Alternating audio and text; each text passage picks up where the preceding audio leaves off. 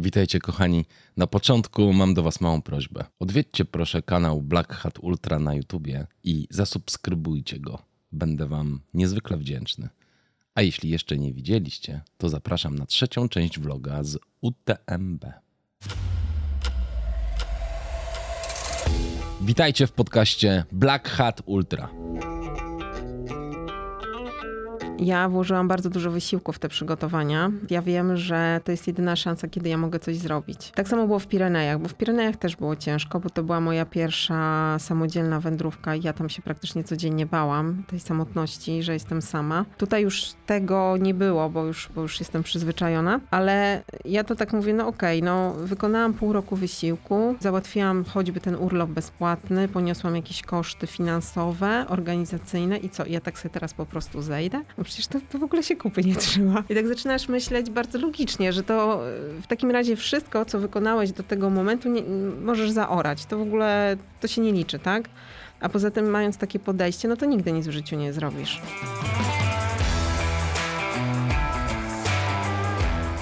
To była Dorota Szparaga. Ja nazywam się Kamil Dąbkowski i witam Was w podcaście Black Hat Ultra. Czasami dzieje się tak, że po kilku sezonach zawodów trailowych zaczyna nam czegoś brakować. Wszystko staje się powtarzalne, przewidywalne i łatwe. Nasza strefa komfortu przesunęła się. Zaczynamy marzyć o samotnej przygodzie w dziczy. Chcemy poczuć się jak zwierzę, które zmaga się z naturą sam na sam. Wtedy w naszych głowach rodzą się pomysły o dalekich wyprawach, bez supportu, tylko ty, las, schroniska i sklepy. Takie właśnie wyprawy organizuje sobie od lat Dorota Szparaga, która ma za sobą długodystansowe szlaki na Wyspach Kanaryjskich, w Pirenejach, w hiszpańskich Sierra Nevada. Ponad rok temu Dorota przeszła GSB. Gdy dotarła do Ustronia, stwierdziła, że trochę jej mało.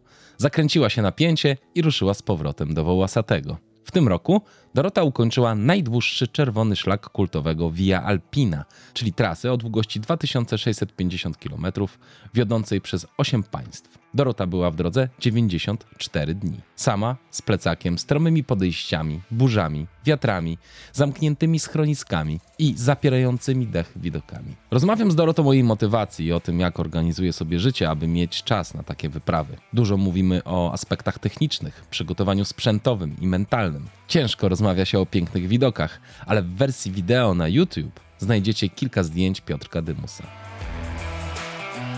A jeżeli uznacie, że to nagranie lub inne podcasty Black Hat Ultra przynoszą Wam jakąś wartość w postaci wiedzy, motywacji, wspierają Wasze ciężkie treningi lub po prostu umilają Wam czas, to serdecznie zapraszam do wspierania podcastu finansowo pod adresem patronite.pl ukośnik Black Hat Ultra. Jeżeli chcecie wspierać podcast innymi metodami, napiszcie do mnie maila na ultra.blackhatultra.pl. Jeszcze tylko słowem wstępu proponuję przed rozmową zaimpregnować swoje buty trekkingowe, bo po rozmowie będziecie chcieli już tylko i wyłącznie ruszyć w góry. Posłuchajcie.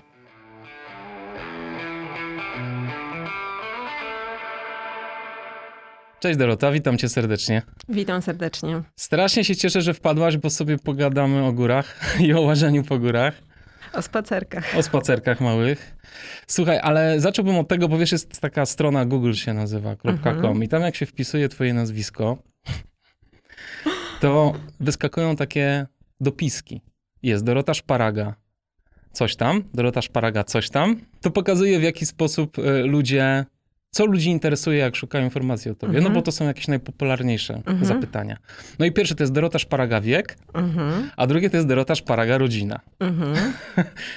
Czyli od razu widać, czym się ludzie interesują, jak e, o tobie słyszą. Jak moglibyśmy od razu zaspokoić ludzką ciekawość, byłoby cudownie. E, moglibyśmy, natomiast swoją drogą to jest dla mnie ciekawe, bo wydawało mi się, że ludzie się powinni bardziej interesować e, Twoją pasją niż tym, Totalnie się zgadzam kim z tobą. jesteś prywatnie.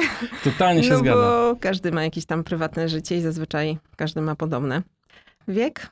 Wczoraj, nie, dwa dni temu skończyłam 48 lat, aczkolwiek paradoksalnie czuję się dużo młodziej niż 20 e, lat temu. A co do rodziny? No z rodziny to mam rodziców. Powiedzmy, że jestem tak zwanym singlem. I jest mi z tym dobrze.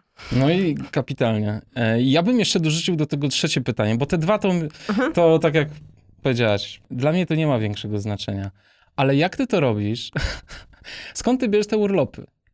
Ja ci tego strasznie zazdroszczę, bo, bo znaleźć pracodawcę, który, y, bo wiesz, no wziąć urlop bezpłatny to nie jest problem, ale Mhm. potem wrócić po tym urlopie do pracy, to zastanawiam się, jak ty sobie z tym radzisz. Ja szukam, ja zmieniałam pracę 10 razy w swoim życiu. Przez długi czas byłam pracocholikiem. y, Większość moich prac y, była taka, że pracowałam po 10, czasem 12 godzin. No i w którymś momencie się ocknęłam i stwierdziłam, że ja nie chcę tak żyć. y, I przekwalifikowałam się w zasadzie można powiedzieć czterokrotnie. Zaczynając od matematyka, przechodząc przez finanse, jakieś ryzyko ubezpieczeniowe, a kończąc na IT. I jak e, w 2015 roku przekwalifikowałam się na IT, to do dzisiaj pamiętam, że był to dla mnie ogromny stres w życiu, bo to mm, wiązało się z tym, że nowa działka, e, poszłam na studia, żeby uzupełnić swoje kwalifikacje takie merytoryczne. No i po trzech latach wreszcie miałam taką pozycję, że mogłam o coś prosić, przy czym no w tym roku, jak poszłam prosić o ten urlop bezpłatny, to długo się zastanawiałam, bo jedna rzecz to jest dostać ten urlop, ale y, jeżeli nie macie przez trzy miesiące w pracy, ktoś cię zastępuje, no to zawsze jest takie ryzyko, że możesz nie mieć do czego wrócić. No ale okazało się, że mam do czego wracać, a wręcz za mną tęsknili, także warto było zaryzykować. Poza tym ja też tak sobie uświadomiłam, patrząc na to, co się dzieje wokół mnie, że y, dziewczyny, które chcą założyć rodzinę, które chcą mieć dzieci, znikają z pracy na mm, powyżej roku, tak? I potem wracają i dalej się w tej pracy mogą rozwijać, więc jeżeli ja zniknę na trzy miesiące, no to bez przesady, świat się nie zawali, tak? Także no, posta- postanowiłam zaryzykować i myślę, że było warto, że to wszystkim wyszło na zdrowie. Super, ale ty pracujesz w sektorze prywatnym czy państwowym? E, W, w sektorze państwowym. Państwowym, tak. okej, spoko. No to... Państwowym, ale to akurat, znaczy wiadomo, no w prywatnym i mniejsze firmy, bo ja, ja zaczynałam w ogóle swoją, y, swoją powiedzmy karierę zawodową, jeśli to tak można nazwać, od małych firm, więc no w małych firmach to w ogóle nie ma takiej opcji. Oczywiście, właśnie to... Pracuję w korporacji, ale często w korporacjach też nie ma takiej Mhm. opcji, bo dokładnie pracując w tej samej korporacji, ale w innym y, departamencie, jak chciałam iść na tydzień urlopu, to był problem. Mhm. E, O trzech tygodniach to w ogóle nie było mowy. A tak jak jest teraz, no fakt, że jestem takim precedensem, że jestem jedyną osobą, która się na to zdecydowała, no bo też trzeba pamiętać o tym, że no idąc na urlop bezpłatny, nie masz, y, Wynagrodzenia. tylko, nie masz wynagrodzenia, Mhm. tak, a tylko wydajesz. E, Więc to też jest takie, takie ryzyko, na które y, mało kto się zdecyduje. No, wymaga ale jesteś to to w pewnej... Jesteś to sobie w stanie jakoś policzyć wcześniej, odłożyć, coś tam, E, prawda? Tak, możesz policzyć, możesz odłożyć. Poza tym w momencie, jak nie masz tych pieniędzy, to zaczynasz żyć naprawdę oszczędnie. I nawet zostało mi to do tej pory, że zaczynasz oglądać każdą złotówkę mm, pod lupą i zastanawiać się, czy faktycznie ten wydatek jest konieczny, czy nie, tak? I to, czego ja się nauczyłam po Alpach, to rezygnacja z takiej typowej konsumpcji, która jest... Nieważne jest, ile zarabiasz, ważne jest, ile wydajesz. Także, także to, to no, zmienia to. Mnie, mnie te Alpy bardzo zmieniły, także war, warto było. Warto było zaryzykować, chociaż na początku nie wydawało mi się to takie jasne i oczywiste, czy, no, czy to jest dobry pomysł. No właśnie, a czy to jest rzeczywiście, czy ja dobrze rozumiem, że w te góry i w ogóle w, w dalekie wyprawy pchnęła cię ta, pchnęło cię to przepracowanie? To, że po prostu poczułaś, że masz dosyć siedzenia za biurkiem, czy co to było? Nie, nie. Ja y, praktycznie od 31 roku życia zaczęłam, y, jak już ułożyłam sobie życie, czyli miałam jakąś w miarę pracę, dom, y, powiedzmy zrobioną tą tak zwaną bazę, która jest potrzebna do egzystencji. Pojawił się czas na pasję. To przez 6 lat trenowałam łyżwiarstwo figurowe. Po tym łyżwiarstwie, no tam mi brakowało przestrzeni, bo to było piękne, cudowne, ale poruszasz się w zamkniętej przestrzeni. No ale mocny kor miałaś na pewno po tym użyciu. E, szczerze, najmocniejsze to miałam pośladki. Tak? Serio. Ja pamiętam, że wtedy, jak zaczęłam szukać jakichś takich aktywności na y, zewnątrz, y, nie biegając, pierwszą dychę przebiegłam poniżej 50 minut. No bo trening łyżwiarski jest y, bardzo wszechstronny. To nie jest tylko trening na lodzie, ale tam robisz bardzo dużo ogólnorozwojówki. No bo bez tego nie dasz rady. Więc ja miałam bardzo silne i dobrze fizycznie przygotowane ciało. No ale tak właśnie wyrwałam się do tego biegania, miał być triatlon, potem się pojawiły biegi górskie, no a z biegów górskich się przerzuciłam na te długie dystanse. A skąd się wzięły takie a, długie... A co biegałaś w, Mm, znaczy, z ja imprez mm, biegowych, ultra? Ultra, no to ja y, zaczynałam od rzeźnika, jeszcze tego w starej formie, y, 78 km przez cały y, czerwonym szlakiem w 2012 albo 2013 roku, już teraz nie pamiętam dokładnie. Potem bieg y, Siedmiu Dolin, bo na ten moment jak ja w ogóle startowałam w biegach ultra, to były jedyne dwa biegi. Pamiętam też swój start w pierwszym chudym Wawrzyńcu. I potem jak ten światek ultra zaczął się tam rozkręcać, tych biegów się coraz więcej zaczęło pojawiać, to po Transwulkanii e, stwierdziłam, że chcę spróbować takich szlaków e, długodystansowych średnio, bo mm, no jestem w fajnym terenie, ten teren przemyka, e, a fajnie byłoby go zobaczyć. No i tak zaczęłam, jeszcze lawirowałam pomiędzy bieganiem a świadkiem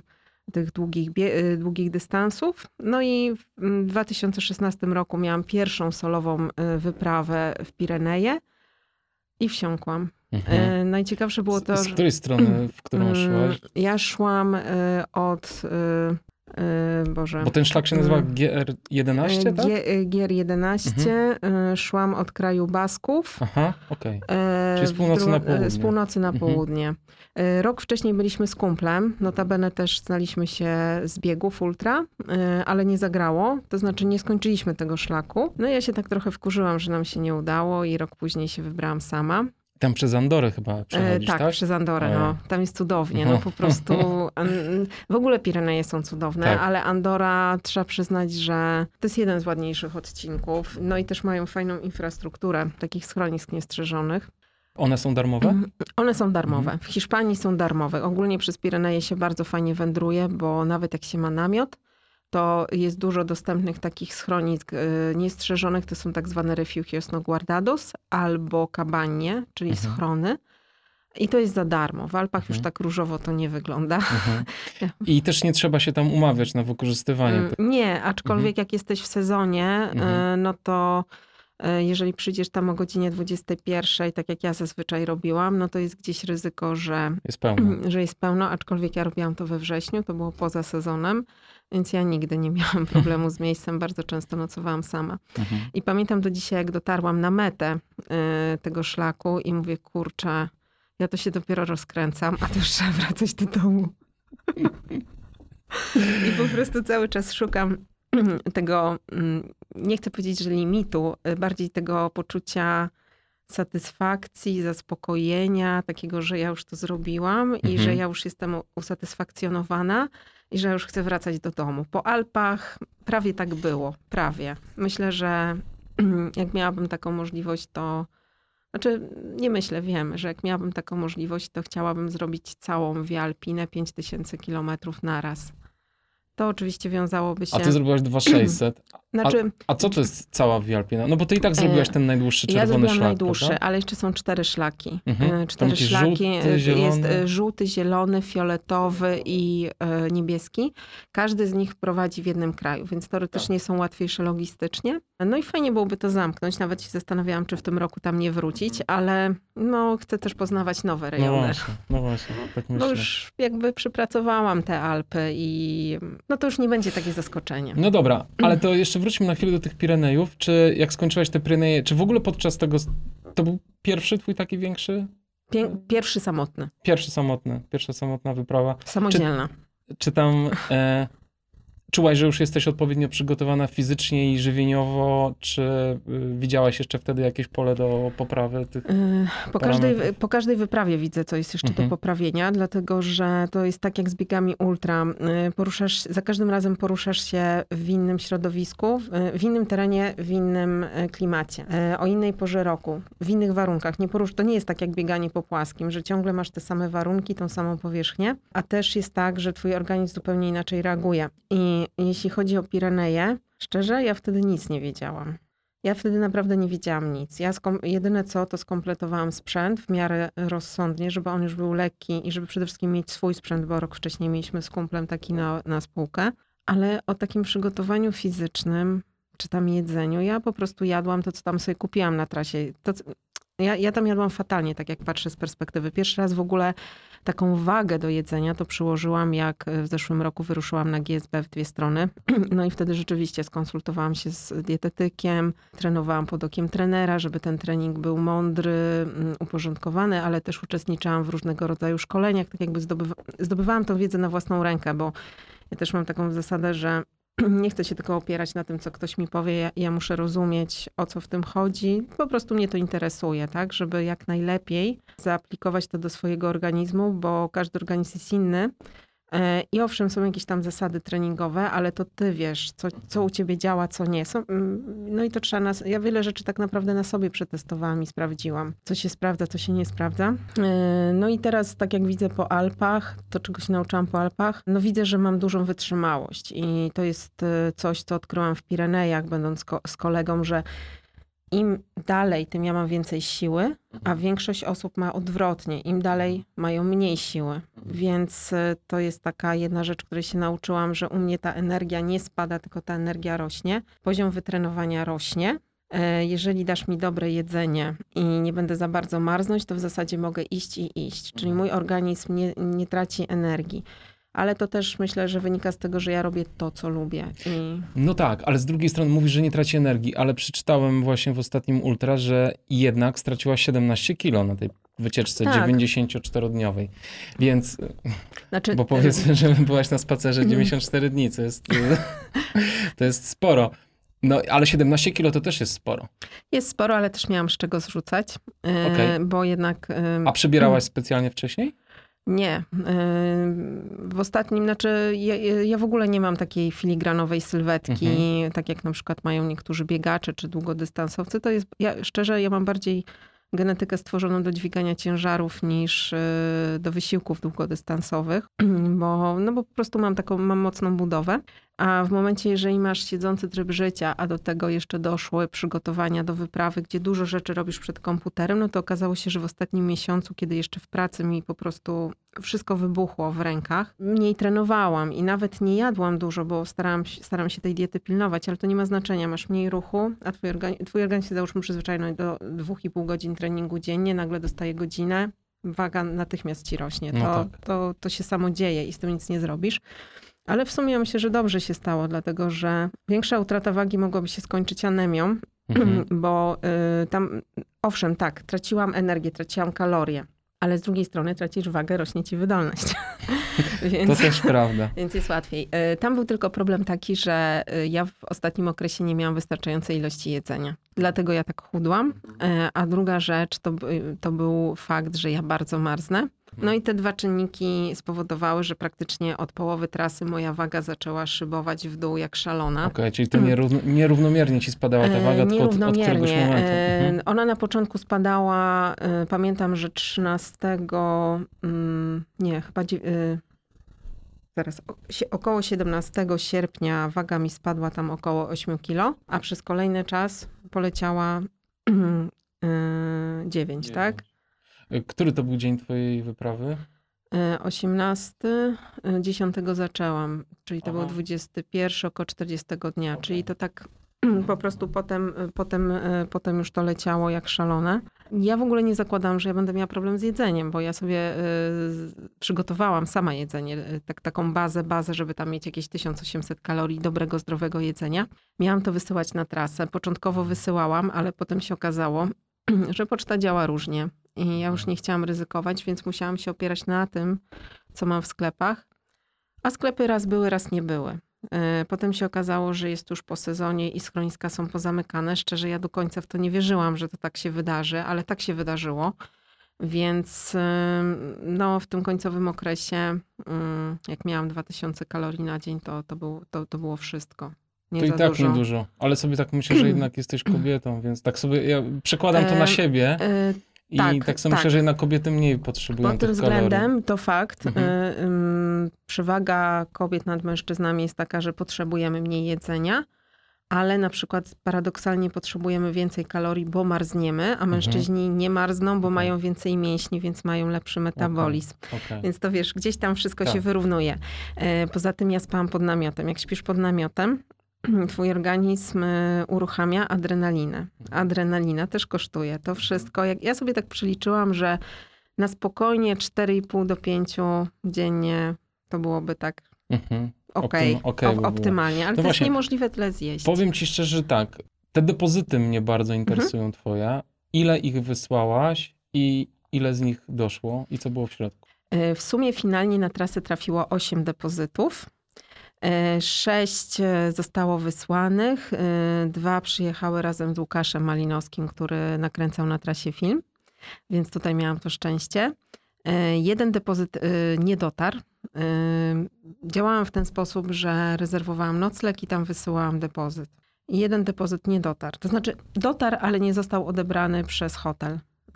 W zasadzie to był kemping, ale to był taki kemping ala hotel pięciogwiazdkowy we Włoszech, w okolicach Dolomitów. W takim mega turystycznym miejscu i pomimo tego, że miałam potwierdzenie na mailu, że odbiorą ten depozyt, po prostu tego nie odebrali. Mhm. I jeszcze mi anulowali rezerwację.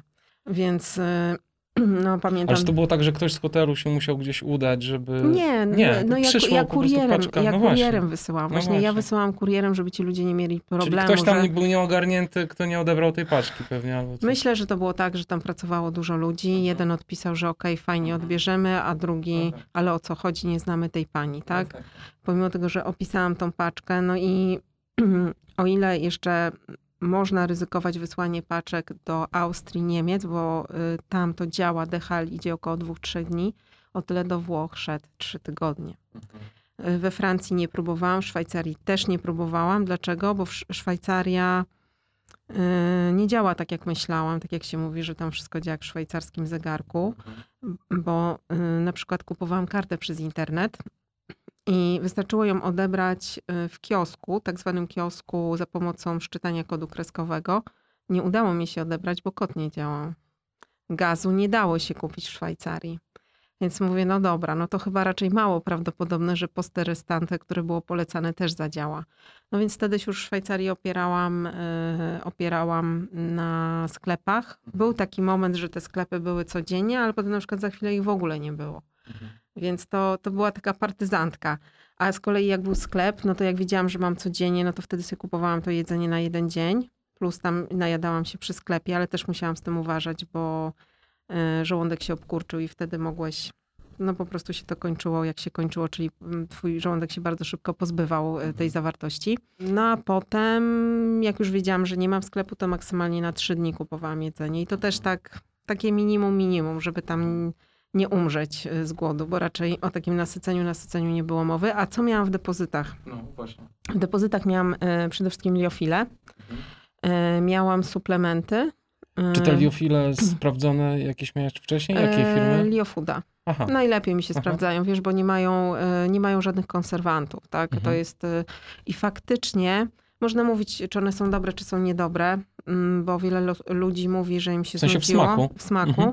ale ja na przykład miałam tak, że y, był taki moment, kiedy mi się skończyły liofile, potem miałam takie normalne jedzenie ze sklepów, potem przyjechał Łukasz i przywiózł mi te liofile, to ja się rzuciłam na nie, bo one są bardzo lekkostrawne, Mhm. mają y, pełne, pełną wartość odżywczą, i dają ci energię. Mhm. Takie jedzenie typu kanapka z serem. Nie da tego. Nie, no to nie daje ci. No Tak. nie, nie przy takim wysiłku. Tak. Nie przy takim wysiłku. Miałam Zwłaszcza, też... że ty podgrzewałaś te Tak, przede prawda? wszystkim to musi No być coś ciepłego, żeby No. ogrzać twoje jelita, bo to ci daje energię. Tak. Y, Miałam też zdrowe batony y, z naturalnych środków. Miałam Nutramile, które pochodzą z apteki. To są takie pełnowartościowe posiłki dla osób, które chorują, które są po jakichś chorobach przewlekłych. No i elektrolity. To była Mhm. taka moja baza. No i te suplementy. Przed, suplementy miałam cały czas. Y, Chodziło o to, żeby nie dopuścić do anemii, bo to Mhm. no, przy długich wysiłkach y, to jest właśnie to ryzyko y, anemii. Największe moim zdaniem. tak. A jakie suplementy miałaś? mm, przede wszystkim supradyn, Mhm. elektrolity. Miałam też probiotyki na osłonę jelit. E, i magnez.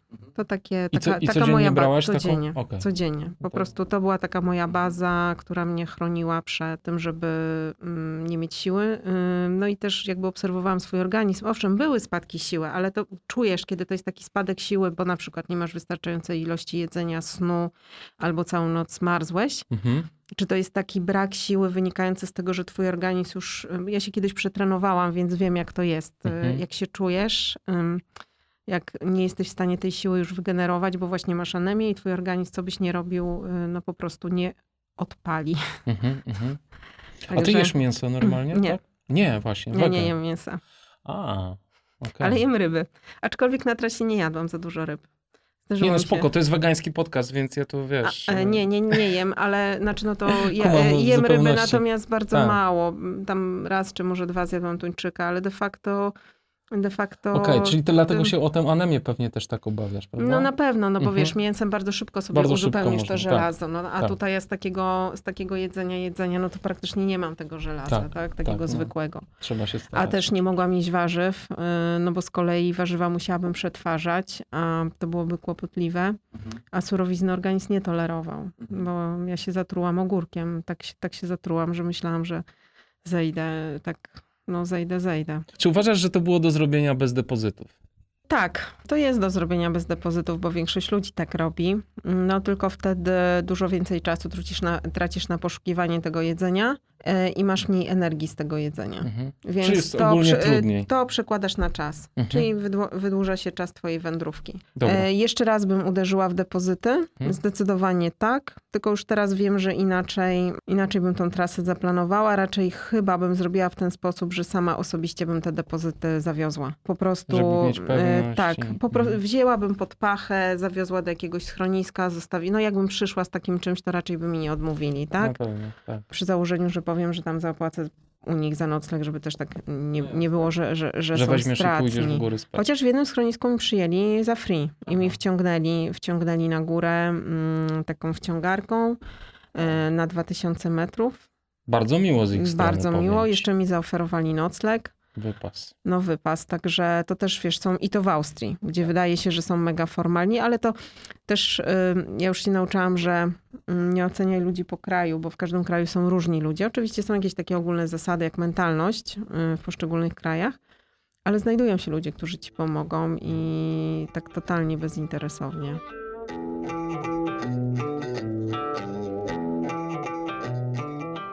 A jak byłaś w sklepach, to co kupowałaś najczęściej? No właśnie, mm, wiesz co, tak. Przede wszystkim zwracam uwagę na kaloryczność i cenę. Czyli takie podstawowe to były sneakersy, których normalnie nie tknęłabym w życiu przed wyjazdem, ale były tanie i miały dużo kalorii. Masło, yy, białe pieczywo i ser żółty i magdalenki. To był mój taki, taki standard. Okej, no dobrze. Y, Nie miałaś problemów żołądkowych po tych rzeczach? Yy, Wszystko dobrze? Nie, wiesz co, Mhm. dop- dopóki nie popiłam zbyt dużą ilością płynów, to nie było problemu. Yy, Nie było problemu, przez jakiś czas też jadłam jogurty, ale potem stwierdziłam, że to jest bez sensu, bo yy, po pierwsze są za drogie, bo Mhm. są bardzo drogie jogurty w stosunku do tych innych produktów. Nie mają kalorii tak naprawdę Mhm. i tych wartości odżywczych też, też za dużo nie mają. Mm, Lepiej za te pieniądze sobie kupić właśnie sneakersy, którym chociaż kalorie yy, doładujesz. Może niekoniecznie te wartości odżywcze, ale zawsze też miałam ze sobą, wiesz, te Nutramile. Miałam taką rezerwę, że codziennie, nawet jak jadłam pire, albo pire też czasami miałam, yy, jak jadłam pire, to jadłam z dobrym Nutramilem, więc gdzieś tam starałam się zbilansować to jedzenie takie yy, śmieciowe, które jadłam, tak? Żeby gdzieś tam zawsze przemycić coś, yy, coś zdrowego, co da mi energię. A ostatniego dnia, jak dostałam jedzenie od Albańczyków, to jadłam co dwie godziny. To do dzisiaj pamiętam. Co to było? Yy, No, specjalnie dla mnie upiekli takie ciasto francuskie ze szpinakiem. I do, I do tego dostałam jeszcze trochę owoców, jakieś winogrona i jeszcze jakieś tam słodycze. A, po drodze jeszcze był sklep, więc w ogóle to pamiętam do dzisiaj, bo wiesz, jak głodujesz przez tam. mm, Od, pamiętam, że ostatni raz dużo jedzenia miałam 3 października, a następny to był 11 października, od 3 do 10 e, kiedy naprawdę już się zrobiło zimno i ja bardzo dużo y, chodziłam, bo ostatnie cztery dni robiłam średnio po 50 kilometrów. Nie miałam tego jedzenia. Więc jak e, ostatniego dnia miałam, to tak co dwie godziny się delektowałam. To było niesamowite. No to. Bo też się okazało, że jak mam tego jedzenia dużo, to ja mogę iść i iść. Ja praktycznie jak doszłam do tego Monako, to ja nie mogę powiedzieć, że ja byłam, ja wtedy zrobiłam 58 kilometrów ostatniego dnia i powiem ci tak fizycznie, to ja nie byłam zmęczona. Ja byłam psychicznie zmęczona, bo tam błądziłam pod koniec, ale fizycznie to w ogóle tak luz. Byłaś Mogę iść- wytrenowana po tych 100 dniach treningu. Słuchaj, nic, tylko rzeczywiście zjeść dobrą zupę i iść Tak, dalej, i albo z powrotem. Dalej, albo z powrotem. Ale, ale fakt jest faktem, że mm, na takich długich wysiłkach, ale w ogóle czy to w bieganiu, czy ja sama siebie pamiętam z tych pierwszych takich momentów, jak trenowałam, że przykładałam tylko wagę do treningu, że tylko trzeba trenować i trenować. A teraz widzę, że nie. To, to tak nie działa. Y, Jedzenie jest tak samo ważne jak trening, bo ono ci daje energię, ale też y, ma ogromny wpływ na twoją psychikę. Y, Trening jest potrzebny, no bo jak nie jesteś wytrenowany, to złapiesz kontuzję, no i po prostu nigdzie nie pójdziesz, więc to, to wszystko to są naczynia połączone. A jak ty patrzysz na siebie, to co jest. No ciężko powiedzieć, co jest e, najważniejsze, bo tak jak powiedziałaś, to są naczynia połączone, ale na które z elementów e, jakbyś miała postawić, zwracasz najwię- największą uwagę? Trening, dieta czy mental? Y, Żeby to się udało, to mental. Mental. Mm, Jeżeli nie masz, nie masz mentalu, to, to się nie uda. Możesz być super, hiper wytrenowanym, wytrenowaną osobą, ale jeżeli nie masz, pierwsza rzecz, motywacja, trzeba sobie dobrze przemyśleć na spokojnie, po co to robisz. I to mówimy tutaj o motywacji wewnętrznej, nie zewnętrznej.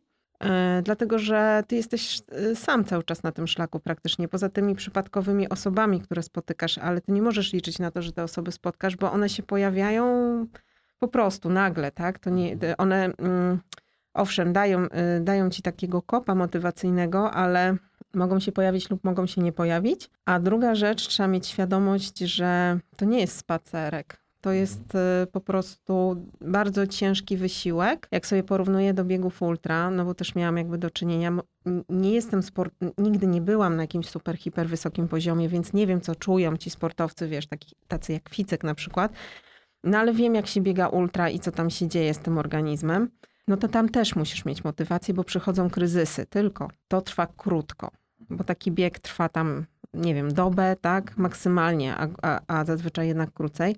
A tutaj e, ten twój wysiłek trwa trzy miesiące. On jest e, o niższej intensywności, ale de facto tych trudności na trasie się pojawia bardzo dużo i one praktycznie są codziennie. Takich dni, że jest lajcik i w ogóle wiesz, tylko słoneczko świeci, jest bardzo mało. Też trzeba pamiętać o tym, że y, ja miałam tylko trzy miesiące. To się wydaje dużo, ale faktycznie ludzie, którzy zrobili ten szlak, poza rekordzistami, powiedzmy tacy zwykli turyści, trekkingowcy, no to robią to w cztery miesiące. To jest szlak na cztery miesiące, nie na trzy. I zresztą jak ja spotykałam ludzi na trasie i mnie- no to wymieniasz się, tak, doświadczeniami, to mi mówili, "E, a ile masz czasu? Ja mówię, no trzy miesiące. Okej, no to, to się uda, jak skrócisz ten szlak zielonym i Tak, niebieskim, tym to się zielonym. uda, tak? Ale jakby y, czerwonym nie, nie, to się nie uda. Mhm, no tak. A ten zielony rzeczywiście tam niezła skuśka jest. No tam jest, Konkretna, no, nie? generalnie jeżeli złapiesz zielony i niebieski we Francji, to myślę, że zejdziesz tak z 400 kilometrów. To jest bardzo dużo. No i tam przewyższeń chyba jest dużo mniej. też. Y, Przewyższenia to nawet nie wiem, Aha. bardziej chodzi o ilość kilometrów. Powiedziałaś o motywacji wewnętrznej. Jaka była twoja? Moja była taka, że ja włożyłam bardzo dużo wysiłku w te przygotowania. Yy, Druga rzecz, ja wiem, że to jest jedyna szansa, kiedy ja mogę coś zrobić. Tak samo było w Pirenejach, bo w Pirenejach też było ciężko, bo to była moja pierwsza samodzielna wędrówka i ja tam się praktycznie codziennie bałam tej samotności, że jestem sama. Tutaj już tego nie było, bo już, bo już jestem przyzwyczajona. Ale ja to tak mówię, no okej, no wykonałam pół roku wysiłku, załatwiłam choćby ten urlop bezpłatny, poniosłam jakieś koszty finansowe, organizacyjne i co, ja tak sobie teraz po prostu zejdę? No przecież to, to w ogóle się kupy nie trzyma. Tak. I tak zaczynasz myśleć bardzo logicznie, że to w takim razie wszystko, co wykonałeś do tego momentu, nie, możesz zaorać. To w ogóle, to się nie liczy, tak? A poza tym mając takie podejście, no to nigdy nic w życiu nie zrobisz. Ja wiedziałam, że to będzie trudne. Fakt, że nie wiedziałam, że to będzie aż tak trudne. Wydawało mi się, że to będzie dużo łatwiejsze. Mówię, mam doświadczenie z Pirenejów, trzeba przemnożyć przez trzy. E, Alpy to są w ogóle mega cywilizowane, Mhm. bo, to, bo to kraje niemieckojęzyczne głównie. Okazało się, że wcale nie są tak cywilizowane, jeśli chodzi o infrastrukturę, bo y, fakt jest faktem, że miałam namiot i założenie było takie, że będę nocować pod namiotem, ale w Alpach jest dużo bardziej surowy klimat niż y, w Pirenejach.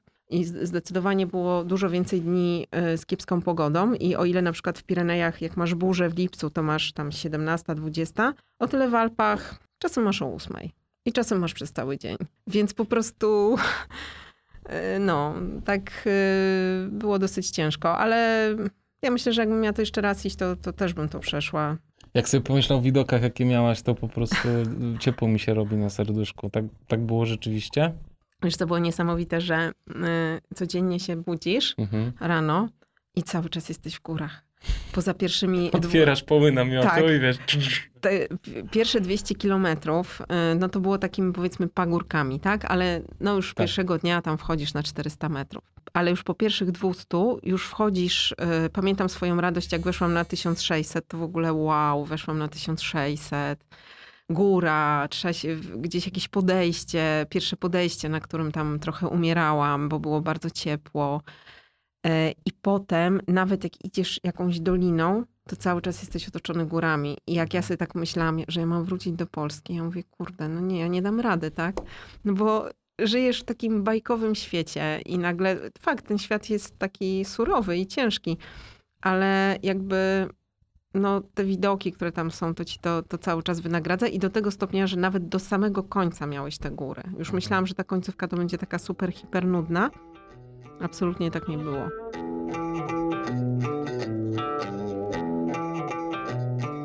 To ten namiot w takim razie. Yy, Jaki miałaś namiot, ile ważył i czy jest na pewno konieczny, czy może myślałaś o tym, żeby wziąć jakiś tarpik albo bag, albo coś lżejszego, szybszego, nie wiem. Opowiedz. E, W tej chwili na rynku są takie namioty, że z mojego punktu widzenia e, branie biwi w góry wysokie nie ma sensu. Chociaż, no powiedzmy, góry wysokie są o 4000 metrów, tutaj najwyżej było 2900, ale namiot może ważyć 500 gram, mój ważył 800, więc to nadal nie jest dużo. Przede wszystkim jest to coś, co jest zamkniętego, więc nie, podle, nie, nie podejdzie ci tam woda, nie wejdzie ci żaden robal, cię nie ukąsi. To jest mega ważne, nie pogryzą cię żadne jakieś tam insekty. A jaki, przepra- jaki E, model namiot, miałaś? e, Ja miałam e, MSR-a Carbon Reflex. Niestety nie do końca mi się sprawdził, dlatego że chodzi o stelaż, bo był problem z rozbijaniem tego namiotu, jak nie można było wbić śledzi. I wtedy musiałam szukać kamieni albo kłód drewna, no i kończyło się tak, że czasem budziłam się z namiotem na głowie. E, Więc no w tej chwili na pewno będę poszukiwać innego namiotu, przede wszystkim jednopowłokowego, bo chodzi też o szybkość rozbicia. Hamaki, znaczy tarpy są fajne i efektowne, ale też jakby mm, tak z mojego punktu widzenia, no wtedy musisz się bardziej docieplić, więc okej, weźmiesz tarp, który waży 200 gram, ale będę musiała wziąć śpiwór, który wa- waży 1,5 kg. Jednak namiot cię chroni. Też jak już tak się naprawdę zrobiło hiper y, zimno, no to docieplałam namiot y, peleryną przeciwdeszczową. Po prostu zasłaniałam sobie sypialnię z jednej strony i komfort cieplny był dużo większy, więc jak sobie pomyślałam, że teraz miałabym spać pod tarpem, gdzie mi wiesz, wszystko podwiewa, to nie ma sensu po prostu. A co do tego, czy brać namiot, czy nie, tak jak najbardziej. Teoretycznie w Alpach nie wolno spać pod namiotem. No właśnie, o to też się chciałem spytać. Nie z wolno, jest ale z tym jest tak, że są jakieś tam prawa, które, y, którymi się rządzą góry. Jeżeli rozbijesz namiot powyżej 2000 i nie będzie to przy jakimś super, hiper turystycznym schronisku, no to nikt cię nie będzie ścigał, bo to, to nie ma sensu, tak? Jeżeli ten namiot rozbijesz tam od godziny 19, a zbierzesz się o tej 7 nad ranem, czy tak jak ja, około 5, 6, no to też znów cię nikt nie będzie ścigał. Y, W niektórych parkach narodowych nawet oficjalnie było oznaczone, że właśnie takie są zasady, że pomiędzy 19 a 9 nad ranem możesz ten namiot rozbić. Zawsze też możesz powiedzieć, że to jest tak zwany biwak emergency. Jeśli chcesz korzystać ze schronisk, pierwsza rzecz, nie wszędzie ta infrastruktura jest dobra. Y, Ona jest dobra w Austrii, ona jest dobra w Słowenii, ona jest dobra we Francji, ale już na przykład w Szwajcarii jest beznadziejna, bo w Szwajcarii masz tak, że na pierwszym odcinku możesz nocować tylko w pensjonatach, które kosztują od 80 do 150 franków za Mhm. noc. A potem masz albo masz schronisko, albo nie masz schroniska. Y, Namiot daje ci też wolność. Możesz się w nim schronić w trakcie burzy. E, Schroniska musisz wcześniej rezerwować, bo, bo cię mogą po prostu nie przyjąć. Mhm. Mm, Nawet więc, poza sezonem, tak? mm, poza sezonem są zamknięte. Serio? Tak, tutaj y, słuchaj, jak ja trafiłam, ja sobie, mm, bo y, szlak jest opisany na takiej stronie Via Alpina i między innymi są wymienione miejsca, gdzie można nocować. I na przykład jest napisane, że schronisko jest otwarte do 30 października. Ja tam jestem 25 września, a schronisko jest zamknięte na głucho. E, A my się denerwujemy, że czasem w Murowańcu nas nie przyjmują. mm, no, no, My mamy tu wypas jakiś w tej Y, Polsce. Powiem ci, że tak jak porównam sobie infrastrukturę taką, w ogóle jak mm, u nas schroniska są non-stop otwarte. Właśnie. Tam nie. Tam y, ja trafiłam y, ostatni etap od y, 3 października do 11, do 11 robiłam w Alpes Maritimes. To są tak, y, tam trasa prowadzi pomiędzy 1800 a 2600 i tak idziesz sobie tylko co chwila i masz tylko schroniska, tak? Bo jesteś z dala od miasteczek, wszystko pozamykane. Jedyne co, czasem były pootwierane tak zwane pokoje zimowe, czyli jest otwarta jakaś część schroniska, możesz się tam schronić. Zwyczajowo zostawia się tam jakieś pieniądze od 5 do 10 euro. A to jest zamknięte pomieszczenie? Czy, czy znaczy to jest daszek? Nie, to często to jest tak, że to są otwarte jakieś drzwi i tam masz jakąś salę. Czasem, czasem są tylko stoły, czasem są łóżka. Ale jest tam jakiś piecyk, żeby zapalić? Czy nie? E, nie, Nic. zazwyczaj Tylko nie. pomieszczenie. Tylko pomieszczenie. No, ja miałam ze sobą gaz, y, więc No tutaj tak. nie było problemu. Ale wiesz, sam fakt, że możesz się schronić. Tylko, że ja akurat, Tak. jak trafiłam na takie miejsca, to mm, mi nie były potrzebne, a jak mi były potrzebne, to były zamknięte. Więc tutaj nie masz, y, nie Tak. masz takiej reguły, a poza tym też chodziło o możliwość uzupełnienia jakichś zapasów. A w tym terenie, co ja tam byłam, no to czasem zrobienie 25 kilometrów przy krótkim dniu, bo dzień już był krótki, y, było, y, no powiedzmy, to było takie maksimum, które byłam w stanie zrobić, no bo też chodzenie w takim terenie po nocy, wiesz, no jak wchodzisz na przełęcz na 2600, to nigdy nie wiesz, co masz pod nogą. Czasem to jest super, hiper ładna ścieżka, że idziesz jak, y, no, no po prostu idziesz, tak? Nie musisz się tam specjalnie jakoś lokalizować. A czasem było tak, że wchodziłam na 2600 w ciągu dnia i wiesz, co chwila tylko, o Boże, gdzie jest szlak, gdzie jest szlak, tak? Więc tutaj no też trzeba było wyważyć to ryzyko, czy warto, czy, czy, czy nie warto. No i na szczęście podejmowałam właściwe decyzje, bo raz zrobiłam, pamiętam, że jak raz zrobiłam wycof, miałam iść na, na, na przełęcz, ale dobrze, że nie poszłam, bo bym się wpakowała. No, skończyłoby się tak, żebym po prostu nocowała na 2600 w namiociku i, i bym prawdopodobnie tam podmarzła nieźle. Mm, I dotarłabym tam pewnie o 12 w nocy, bo to był mniej więcej taki teren, także... Dużo miałaś w ogóle takich awaryjnych jakichś e, noclegów? Że coś Mm. się działo albo... Wiesz co, mm, stosunkowo niedużo, jak y, na 94 dni. Y, Tak jak sobie to podsumuję, to, to nie. Y, No miałam kilka takich przygód, na, na przykład raz y, mm, burza tam prawie codziennie była, do 19 sierpnia to był taki standard, że zapowiadali burzę, tylko te, ja już się potem nauczyłam, że te burze czasem są, czasem nie są, więc ja po prostu ryzykowałam. No i niestety raz zaryzykowałam i burza się jednak wydarzyła i trwała sobie tak przez 2,5 godziny.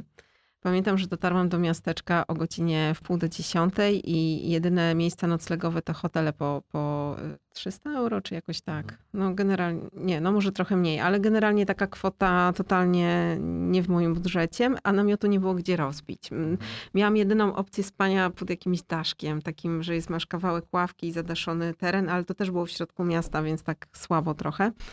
No i wyszłam takiego hotelu, yy, że będę ich błagać po prostu o miejsce w jakiejś komórce czy cokolwiek. Okazało się, że nie mają miejsca w tym hotelu, ale zaproponowali mi miejsce w takim mm, coś ala spa w salonie masażu Super. z takim pięknym widokiem za free.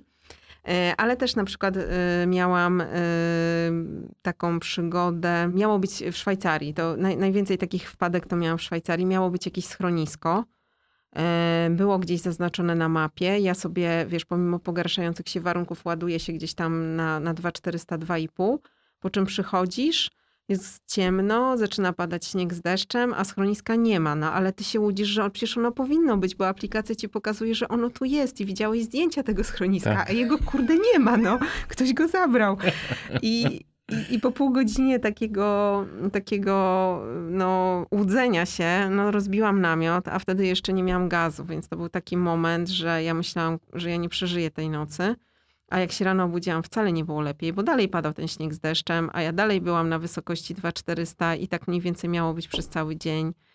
No ale co, no po prostu wstajesz i idziesz, tak? No bo jakby, no, jaką masz opcję? No możesz jeszcze tam siedzieć i umierać w tym namiocie z zimna, ale to, jak ja to mówię, jest to niepraktyczne. Dokładnie. Lepiej Trzeba po wyjść i prostu, się zacząć ruszać. tak, zacząć Mhm. się ruszać, no i tak mm, najdłużej to tak po, przez dwie godziny marzłam, także Mhm. marzniesz, marzniesz, także wszystko cię boli, no ale potem już po prostu ten organizm się jakoś tam rozgrzewa. Jeszcze się o śpiwór zapytam. Jakie Mhm. miał parametry?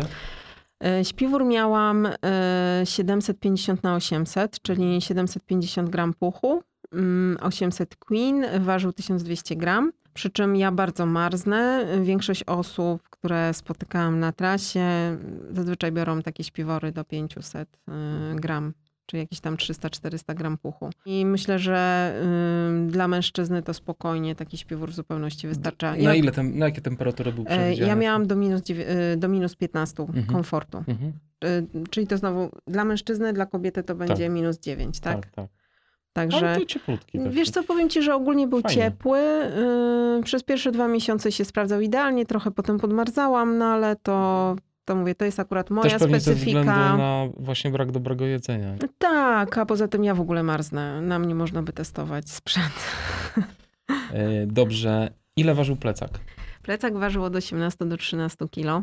Y, To zależało od ilości jedzenia. Taka, taka waga wyjściowa bez jedzenia to była po, y, poniżej 8 kilo, przy czym nie liczę tej elektroniki. Elektronikę miałam z przodu i ona ważyła około 2 kilo.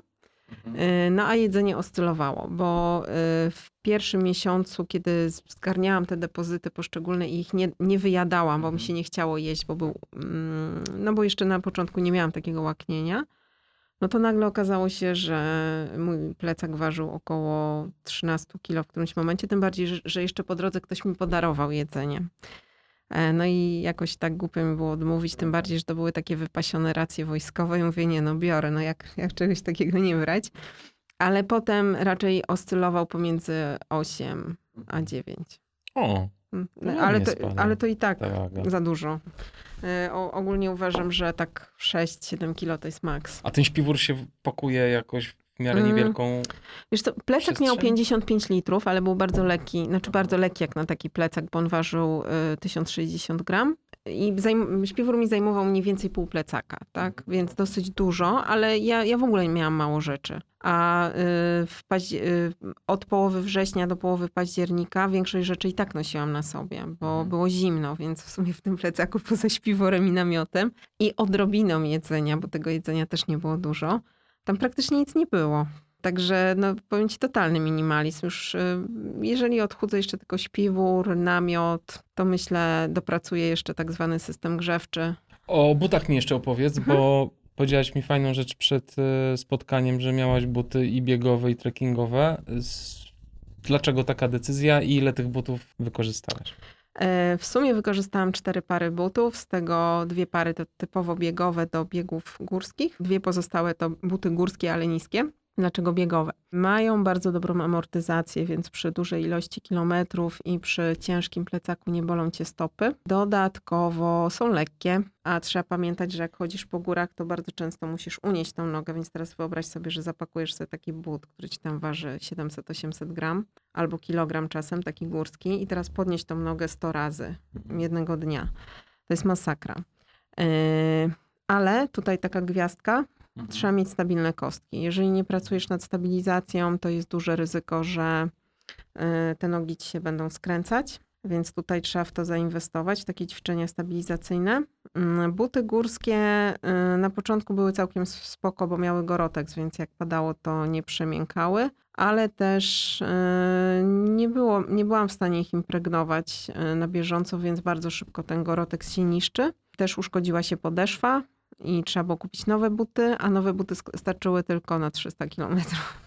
Zaczęły się, Dlaczego? ot, otok się zaczął odklejać. Wiesz, po prostu one nie były trwałe. To były takie, Mhm. one miały super amortyzację, bo to kupiłam we Francji. mhm. No tak super y, zamortyzowanych butów to jeszcze nie miałam, ale jakość wykonania to Mhm. to były buty na weekend, to były Mhm. buty na wycieczkę weekendową, a nie na Mhm. taką wyrypę po górach, Mhm. gdzie ta stopa ci co chwila pracuje. Przetrwały dwie ulewy, a jak już była taka burza, burza, to już wszystko było mokre. No i teraz wiem, że w ogóle kupowanie butów z Goroteksem nie ma sensu na takie długie wycieczki. Trzeba zainwestować w jakiś ochraniacz, e, który ci będzie chronił przed tak, przemoczeniem.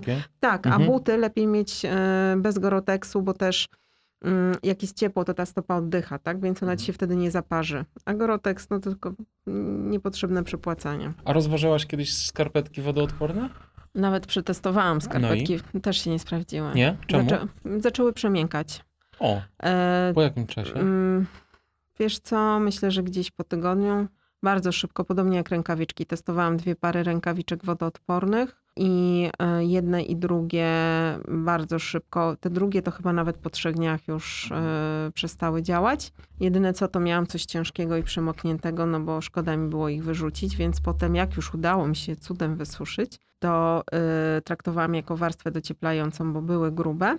A jedyne rękawiczki wodoodporne to Jan niezbędny za 5 zł. Serio.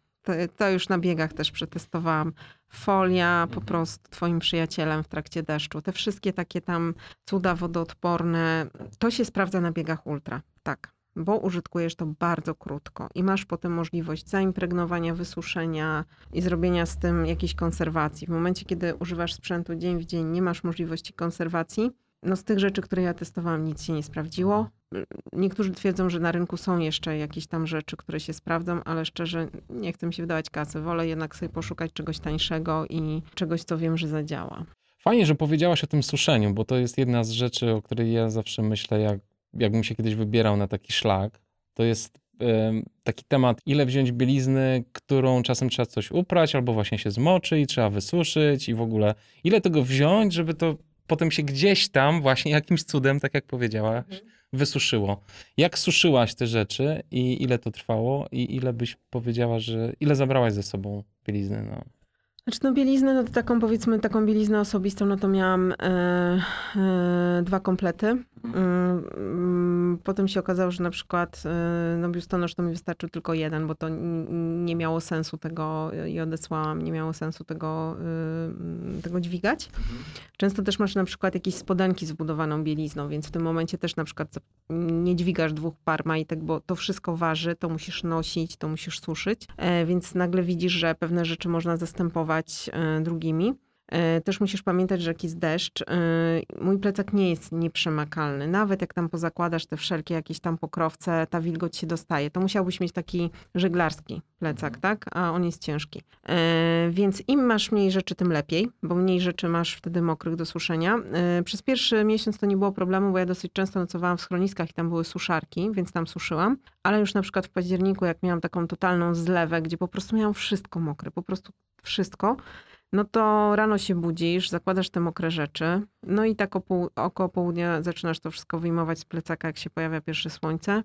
Znaczy, jak Wieszasz wychodzi... sobie na plecaku, tak? Czy... Nie, nawet ja, wiesz to rozbiłam, znaczy przy schronisku sobie usiadłam, e, bo, bo też jest tak, że jak jesteś w górach, to to słońce bardzo późno wychodzi, bo ty jesteś otoczony górami, więc ono musi wyjść. No w październiku to ono tak zaczyna grzać około 11 dopiero. E, Więc wtedy to wszystko rozwieszałam. Na szczęście był wiatr. I wtedy robiłaś sobie przerwę e, po e, Robiłam sobie przerwę, Mhm. robiłam sobie coś ciepłego do jedzenia i przy okazji suszyłam te rzeczy. Czasem też suszyłam na sobie. To wszystko zależało od pory roku, ale no, w butach chodziłam mokrych, bo ja y, buty miałam jedną parę plus miałam sandałki, no ale w tych sandałki, klapki bardziej. One się nie nadawały do chodzenia, więc y, zakładałam, jak miałam jeszcze suchą skarpetkę, bo miałam trzy pary skarpetek, to czasem się zdarzało, że jeszcze jakaś sucha para zostawała, to na tą suchą skarpetkę zakładałam worki z situsami, na to buta i tak szłam. Żeby nie czuć, wiesz, tego bezpośredniego Tak. Najgorzej było, jak się na przykład rano budziłeś taki przemoczony, a na zewnątrz było na minusie. No to nie było miłe. Mm, Także no czasami po prostu chodzisz w mokrych ciuchach, tak. Ale wcześniej czy później je wysuszysz.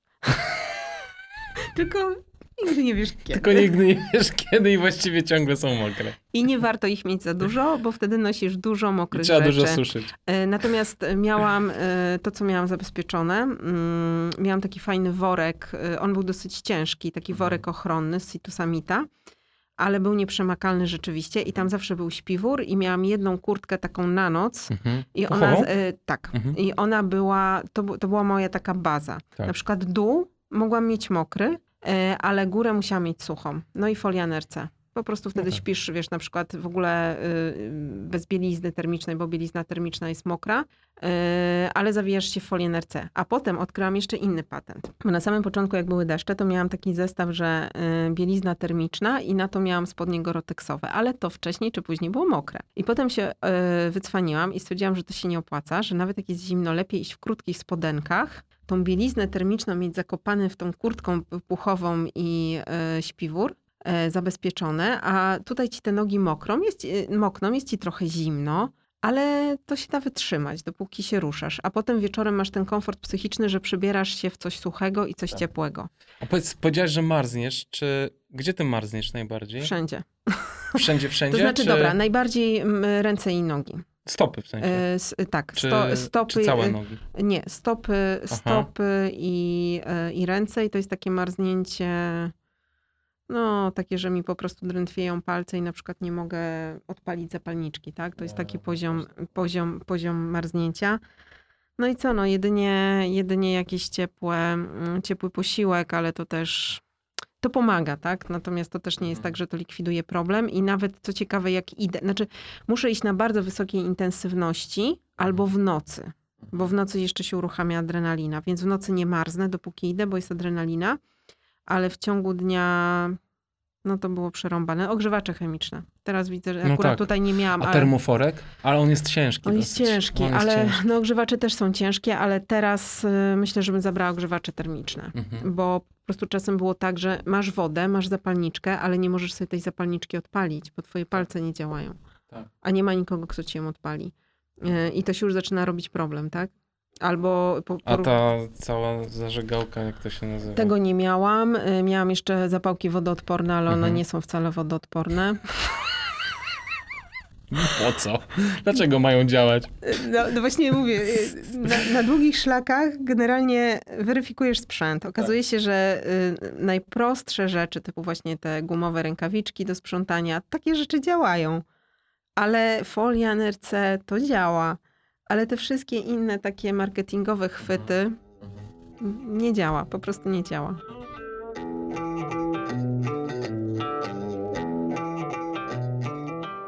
Planowanie. Ile czasu poświęciłaś w ogóle na przygotowywanie się do tej wycieczki? Wycieczki. Pół roku wcześniej y, podjęłam decyzję, że to będę robić. Y, trening taki stricte pod to, y, pod Alpy trwał pół roku. Taki stricte, natomiast cały czas jakoś tam jestem w tym treningu. Y, Takie przygotowania logistyczne to tak pełną parą ruszyły y, od marca, a do marca zbierałam informacje. Przede wszystkim się konsultowałam a propos trasy. Prosta rzecz, wychodzisz od planu, ile czasu ci to zajmie, bo miałam y, ściągnięte poszczególne etapy wraz z opisem czasowym, ale sprawdzałam to w trzech źródłach i każde źródło podawało inaczej, więc konsultowałam się z różnymi osobami, które w ogóle były w tych Alpach, żeby mi powiedziały, jak te, jak te czasy wyglądają, a, a w sumie to i tak się nic nie sprawdziło z tych rzeczy, bo y, to wszystko zależy od terenu i od pogody. E, Więc możesz tam sobie jakieś średnie pozakładać, ale więc wyszłam od tego planu. Potem sprzęt. E, Bardzo długo planowałam sprzęt. Mia, miałam w ogóle, tak naprawdę ten, to był projekt. Wiesz, ja miałam, mam po prostu przygotowany taki ak- arkusz Excela, tam mam wszystko porozpisywane, sprzęt w gramach, e, czy wziąć to, czy wziąć tamto, dokupywanie sprzętu. Okazało się, że e, w czasach COVID-u kupienie sprzętu to jest wyczyn, bo po prostu mm, Spadła sprzedaż, spadła produkcja. Y, I to, co normalnie mogłeś kupić, teraz nagle się okazywało, że musisz czekać na zamówienie miesiąc albo pięć tygodni. Bo z Chin nie przyszło. Bo z Chin coś. nie przyszło, Mhm. albo na przykład nie możesz kupić namiotu, y, bo nie produkują jakiejś części i tego Tak. nie ma. Popsuła mi się maszynka, do tej pory jej nie dostałam, bo nie produkują części. Musiałam na gwałt kupować maszynkę, która w sumie mi się tam nie sprawdziła. Mm, To, to w zasadzie tak, y, trasa, jedzenie, sprzęt. To takie trzy najważniejsze rzeczy. Mm, No i koszty, tak? No, bo trzeba było też zaplanować, ile ja tam wydam. No, No i właśnie. też pozyskać, ale też dużą część planowania to było y, pozyskiwanie sponsorów. Y, Sponsora, takiego sponsora finansowego nie pozyskałam, pomimo, pomimo tam powysłania ofert do wielu firm. Y, Pozyskałam kilku sprzętowych, ale to dosłownie kilku. E, No i... Ale dostałaś zniżki, czy za darmo sprzęt? Mm, Dostałam sprzęt za darmo. Aha, to dobrze. Chociaż, E, chociaż to. e, Garmin tylko nie dał mi sprzętu, tylko mi wypożyczył. GPS GPS-a i zegarek. i, i zegarek. I zegarek. To Okej. tutaj nie dostałam sprzętu, tylko miałam wypożyczony. Aha. Ale śpiwór na przykład dostałam, matę dostałam, więc to już dla mnie też... No to zawsze coś, no wiesz, każda Nie no. złotówka się liczy. Jasne. Ale też miałam e, w sumie w ostatniej chwili e, założyłam Patronite'a, więc też e, taką pieniądze, pieniądze, no to pozyskałam tylko i wyłącznie z Patronite'a i to naprawdę mi pomogło, bo e, praktycznie do końca miałam te pieniądze. Ja bardzo oszczędzałam już na końcu, ale no, wiedziałam, że jeszcze coś tam mam i nie zostanę mm, zupełnie bez kasy. Najdroższe to chyba te schroniska, co nie? Czy co było najdroższe na E, tej Wiesz co, naj, najwięcej wydałam e, w Szwajcarii, Mm, bo tam raptem zanocowałam e, dwa razy w jakichś pensjonatach, ale to było spowodowane tą, tym, że były fatalne warunki i ja po prostu potrzebowałam się ogrzać i Mhm. wydałam na to 200 franków za dwa noclegi. I raz w schronisku strzeżonym wydałam, niestrzeżonym 35. No to tam najwięcej, ale też jedzenie w Szwajcarii było bardzo drogie, tak? Bo okazało się, że najbardziej się w Szwajcarii piwo opłaca kupować. No proszę. Serio. Bo cena, znaczy ja... I kalorii też dużo. No, słuchaj, kalorie. Najlepsze jest to, że ja w ogóle piwa nie piję. Ja Tak. nie jestem fanką piwa, ale y, tam mm, jakby upał, to chodziło za mną piwo bezalkoholowe. I rzeczywiście opłacało się to piwo kupować, bo cena była taka sama jak y, w Austrii czy w Niemczech. A już na przykład kawy się nie opłacało kupować, bo kawę, którą lubię, no to kosztowała 5 franków. No to wiesz, bez sensu płacić 20 zł za kawę, która tak naprawdę no, nie co ci da. smakuje. Znaczy, ona smakuje, ale, ale co ona ci da? No nie da ci kalorii poza jakąś tam chwilową przyjemnością. A piwo, przynajmniej masz kalorii. Dokładnie. To pogadajmy teraz o przygotowaniu fizycznym. Jak to było? Czy wzięłaś sobie trenera? I czy na, na stałe współpracujesz z trenerem? Tak, y, ja już od dwóch lat współpracuję y, z Formą na Szczyt, y, bo oni przygotowują ludzi do wysiłków górskich, Mhm. bo ja wcześniej, no zawsze miałam jakiegoś trenera, chociaż też jest tak, że ja sama chcę docelowo być trenerem. Mnie to po prostu kręci i odkąd w ogóle w jakikolwiek sport się zaangażowałam, chodziłam też na dużą ilość szkoleń różnych, od trójboju siłowego po jakieś ketle, nie wiem, no już nie mam jakichś takich, wiesz, oficjalnych papierów, że jestem trenerem, ale tych szkoleń mam bardzo dużo. No i tak, do nich też w sumie tak trafiłam, że poszłam do nich na szkolenie, spodobała mi się jakość. Mają unikalną wiedzę, dlatego ja sobie bardzo cenię tą współpracę, bo to tak naprawdę nie chodzi tylko o układanie treningów. No plus współpraca jest taki, że ktoś panuje nad tym treningiem. Ja wiem, że jak ja sama bym trenowała, to ja bym po prostu prawdopodobnie robiła za dużo i to byłoby chaotyczne. Ale druga rzecz, ja też sobie na bieżąco mogę tą wiedzę pozyskiwać, czyli tak jakby rozwijać się i wiedzieć, dlaczego coś działa tak, a nie inaczej. Ale też na przykład e, chodziłam na takie treningi personalne do Marcina Szyca, który jest trenerem gimnastyki. I gimnastykę odkryłam trzy lata temu, notabene też tam sobie jeździłam na jakieś obozy gimnastyczne. I to jest moim zdaniem mega. To jest e, ze wszystkich takich różnych, no bo tak, i, i, i trenowałam na siłowni, i trenowałam ketle, ale gimnastyka to jest kurczę taka precyzja i tam masz bardzo dużo ćwiczeń na core, ale takich precyzyjnych. A de facto do każdego wysiłku, do każdego sportu musisz mieć dobre centrum. Jak nie masz dobrego centrum, to reszta po prostu nie pójdzie za tym, tak? Więc od Marcina też się bardzo dużo nauczyłam y, z tych treningów. Dużo czasu poświęcam. mm, Treningi wydolnościowe to nie wszystko, bo owszem, wiadomo, to trzeba robić, bo to jest potrzebne, ale moim zdaniem y, dużo bardziej jest potrzebny trening wzmacniający, bo przy tak długich wysiłkach y, musisz mieć silne ciało i wytrzymałe i ja dużo czasu w to inwestuję. A jeśli chodzi o takie przygotowanie w ogóle pod te Alpy, paradoksalnie ja trenowałam tylko w Beskidzie Wyspowym, który ma największy szczyt 1170 metrów. No ale co my możemy? No? W Tatry możemy pójść, E, tak? tak, ale wiesz co, doszłam do wniosku, że mi się nie opłaca jeździć w Tatry. Mhm. Dlaczego? Bo w Beskidzie Wyspowym naprawdę można sobie zrobić dużo przewyższeń. To, to jest bardzo specyficzny e, Beskid, bo on jest e, składający się z wysp. W żadnym Beskidzie nie zrobisz tyle przewyższeń, co tam. Też tam często sobie nocowałam pod namiotem, więc też łapiesz, łapiesz tą wydolność, no bo jak nocujesz na tysiącu metrów, no to z automatu tam już masz te procesy aklimatyzacyjne, więc jeżeli to robisz x czasu, x czasu, no to ten organizm się przyzwyczaja i to rzeczywiście fajnie mi się na te Alpy przełożyło. Tatry, no w, Tatry, w Tatrach to na skiturach, tak, no w Tatrach robisz wydolność, ale tam przewyższeń takich, y, no to nie zrobisz za dużo, no chyba żebyś latał Góra dół, góra dół. Góra dół, tak, po, y, No i plus, Kasprowy. plus na tych dwóch tysiącach coś tam, wiesz, no, Znaczy, no to, można się y, pod te Alpy przygotować Y, lepiej. Mo, znaczy na, na pewno, wiesz, no idealnie byłoby w Tatrach, tak? Ale jeżeli ja miałam dojeżdżać z centrum Polski do Tatr, mi się bardziej opłacało jechać w ten wyspowy i mm, tam mogłam sobie na luzie powędrować.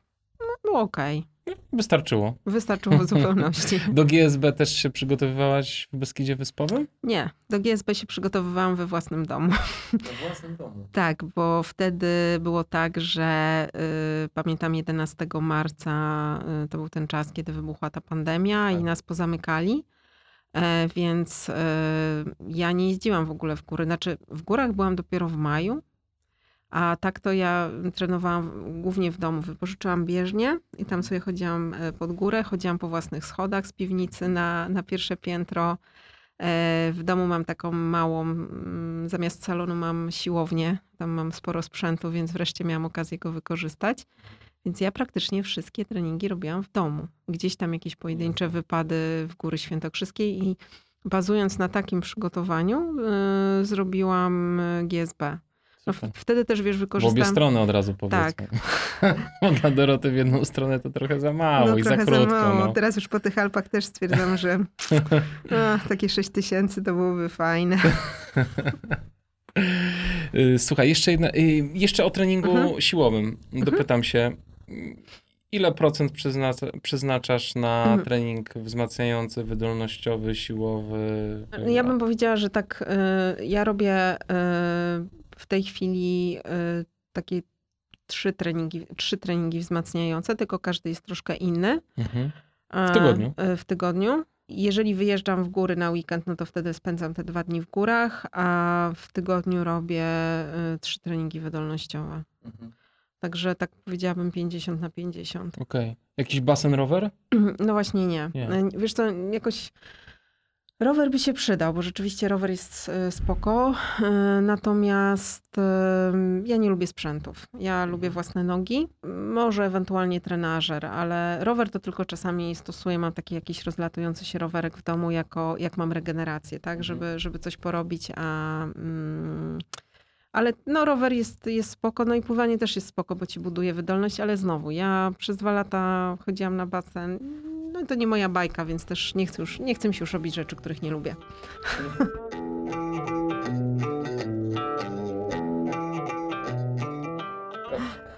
Opowiedzieliśmy strasznie dużo praktycznych rzeczy. To było podyktowane absolutnie e, e, moim zainteresowaniem największym, bo też myślę o tym, żeby się wybrać na taką wycieczkę. Może nie tak długą, ale, Mhm. ale jednak.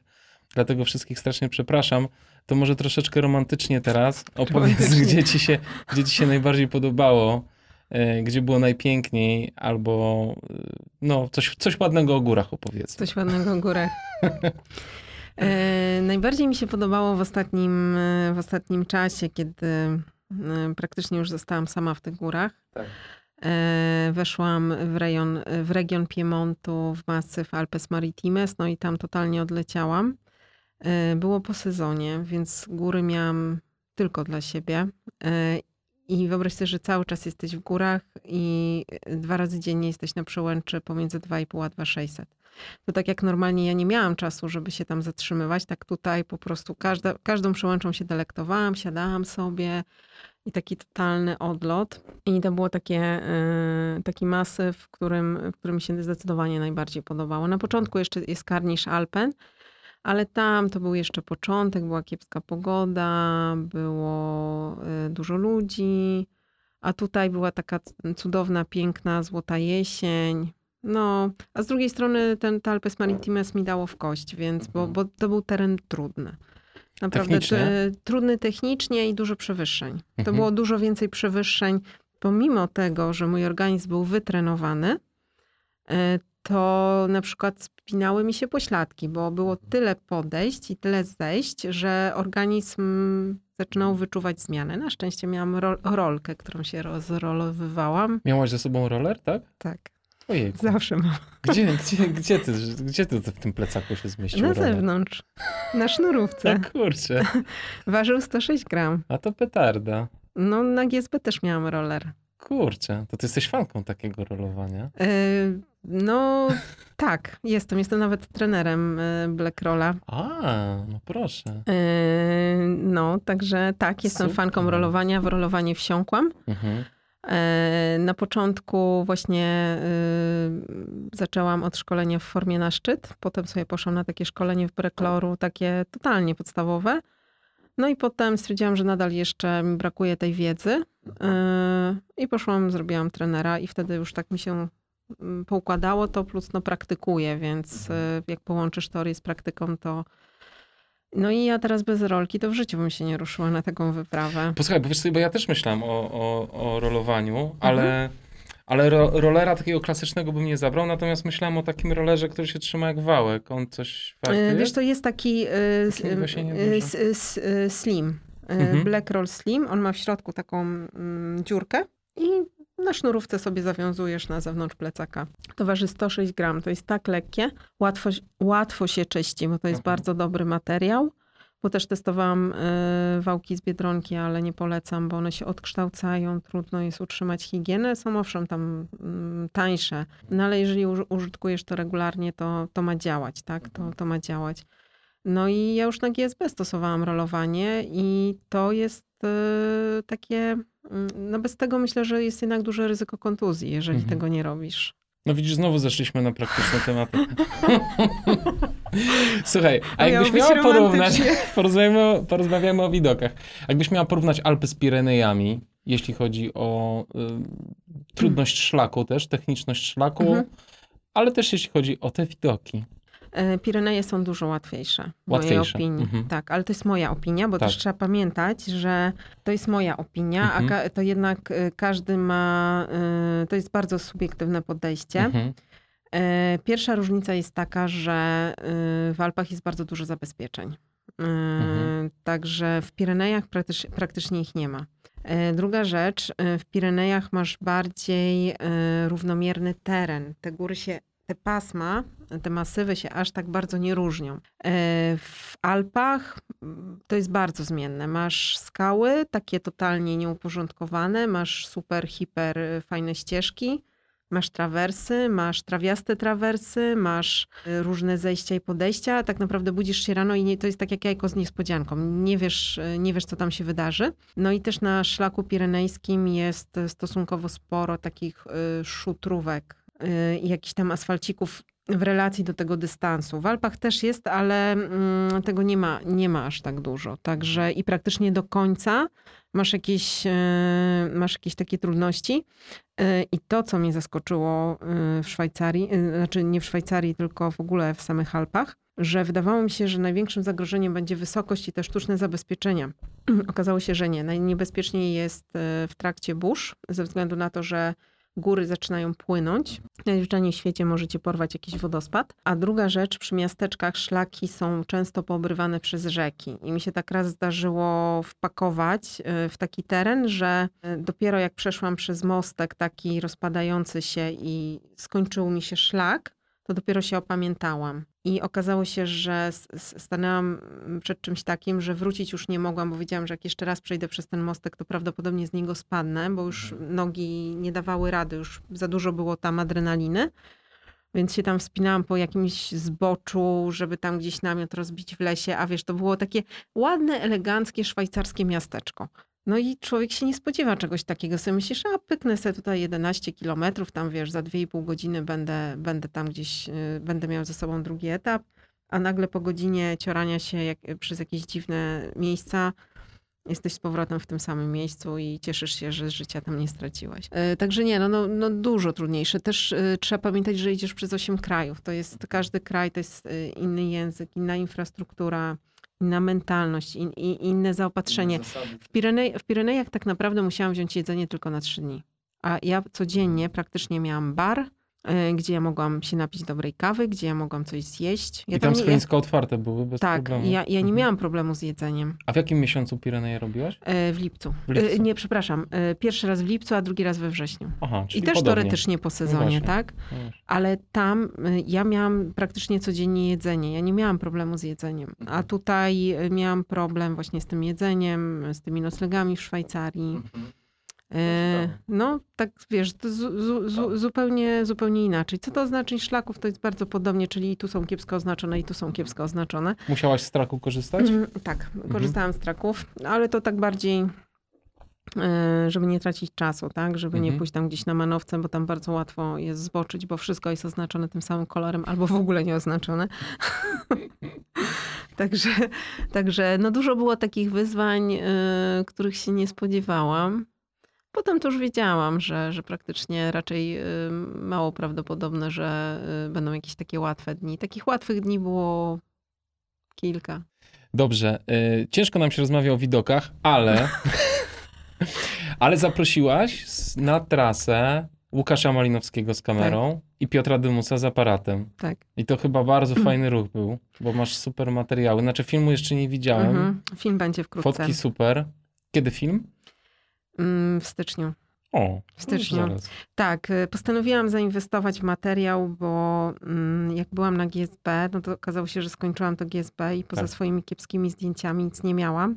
Mm, Wiedziałam, że nie będę w stanie nagrywać filmików, bo nie będę miała na to czasu. Mhm. Po prostu. To też nie jest moja bajka. Ja chcę się skupić. Ja i tak miałam Tak. tam dużo rzeczy do ogarnięcia. Wiesz, teraz jeszcze chodzenie z filmikiem, no to musiała, jakbym chciała robić sama film, to musiałabym y, zarezerwować sobie 4 miesiące. No i to się nie, zupełnie nie kleiło. No i tak sobie właśnie pomyślałam o Łukaszu i myślę, że to był dobry ruch. Na y, pewno. Bo po prostu, wiesz, będę mogła na to spojrzeć.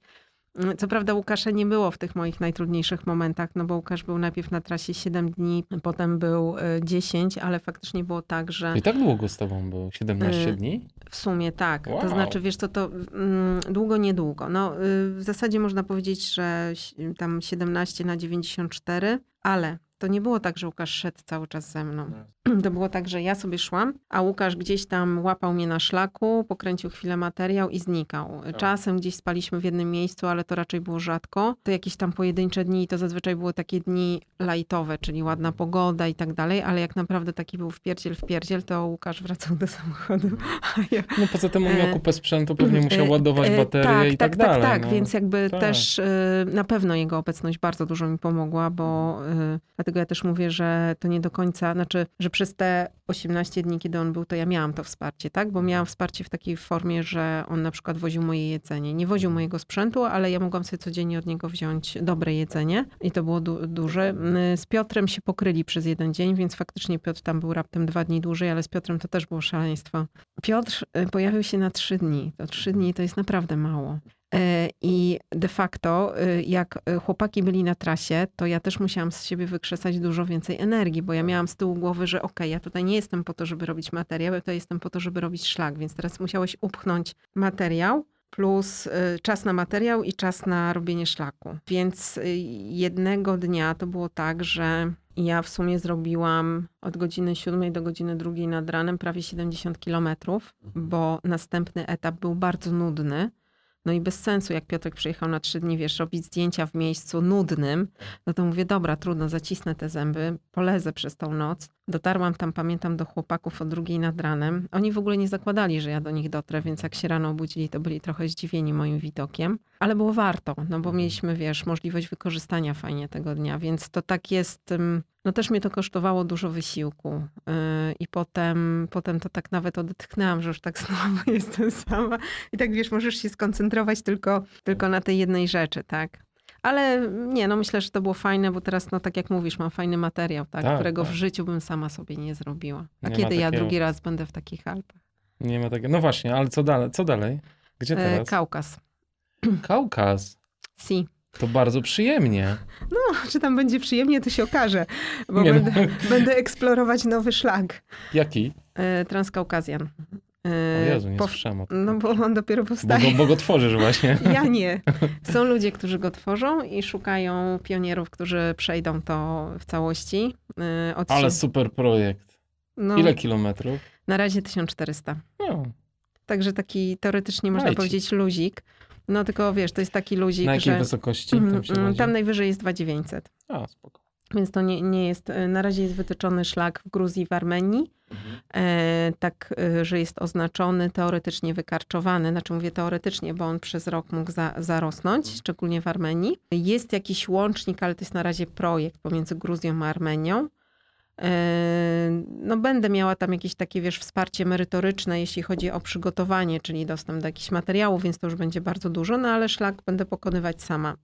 I to taki mocno dziki z tego, co no słyszę. tak, bo z tego co, notabene nawet dzisiaj tam wypełniałam formularz i oficjalnie się do nich zgłosiłam, bo na razie Super. napisali, że nikt jeszcze nie przeszedł tego wyznaczonego odcinka do tej pory w całości, że są osoby, które jakieś tam fragmenty pokonywały, ale też musisz wypełnić specjalną ankietę, jakie masz doświadczenie. Mhm. Jedną z rzeczy, którą teraz powinnam zrobić, oprócz odświeżenia sobie rosyjskiego, to kurs pierwszej pomocy, Mhm. no bo tam nie będę miała zabezpieczenia medycznego na tej trasie, absolutnie, więc jak coś mi się stanie, będę musiała sobie sama pomagać.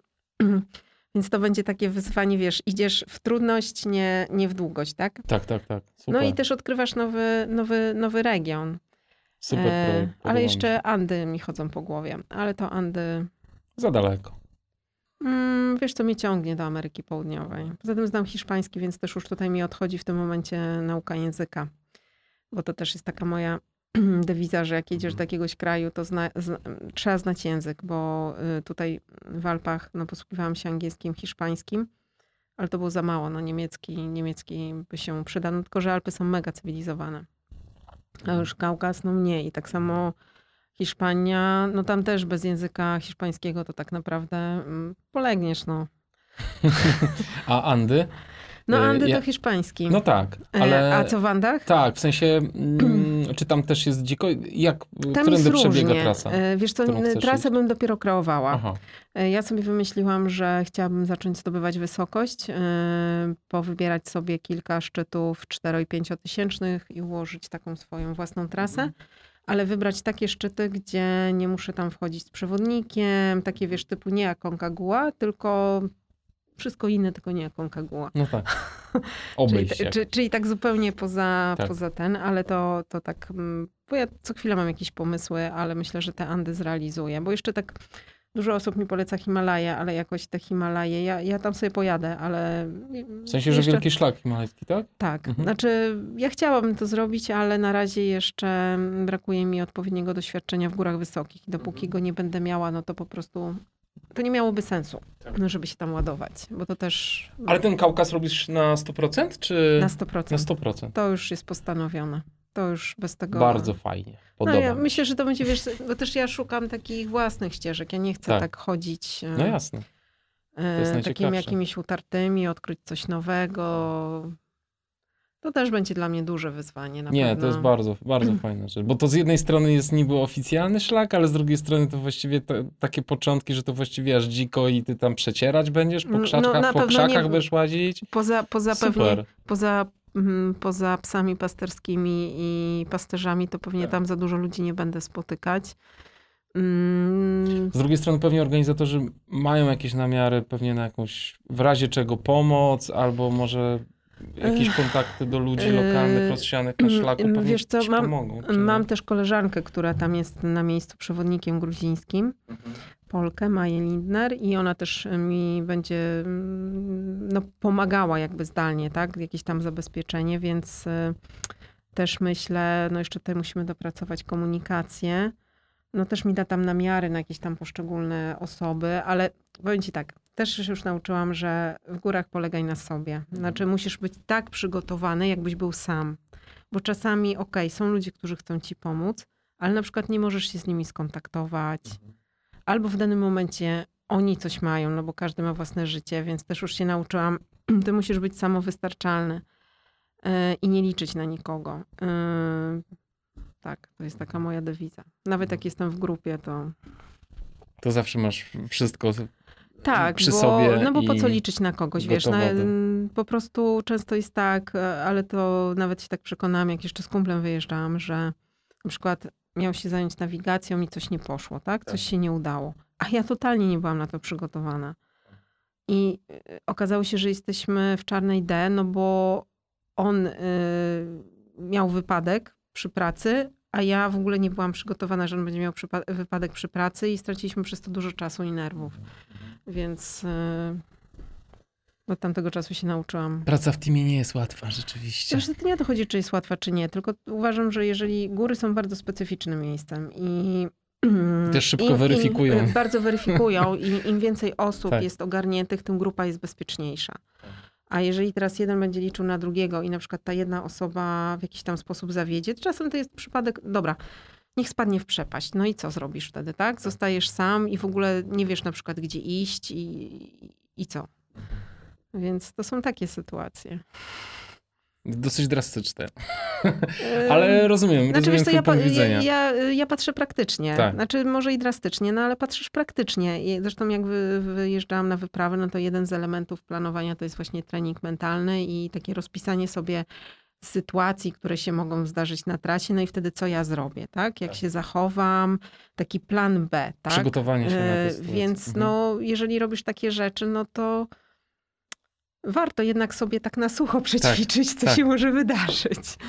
Tak, tak. To jest ciekawe. Ostatnio rozmawiałem z panią psycholog i zadam jej pytanie, jak sobie radzić z kontuzjami. I pani psycholog powiedziała mi dokładnie to samo. Przygotować się na kontuzję. Czyli Mhm. pomyśleć o tym, zaplanować sobie wcześniej, co zrobię, do kogo się odezwę Mhm. i tak dalej, i tak Mhm. dalej, i tak dalej. Także no tak, to jest tego typu myślenie. Bardzo praktyczne. Praktyczne. A w górach A w górach być tym praktycznym. Totalnie. Tam nie jest romantycznie, tam jest praktycznie. Ale troszeczkę, te, no powiedz troszeczkę, no tam tej radości w serduszku jest trochę nie, jak no łazisz, słuchaj, no nie? to w ogóle to jest tak, że y, No. to jest przede wszystkim No radość, właśnie. bo ja mówię o tych trudnych momentach, ale y, prawda jest taka, że ja w górę, ja, ja to robię, bo ja to lubię. Ja, ja nie robię tego, bo ja lubię się męczyć, czy ja lubię przeżywać te takie trudne sytuacje. Owszem, to jest fajne, bo pokonujesz te swoje jakieś lęki, opory, ograniczenia fizyczne. To ci daje taką fajną wewnętrzną siłę.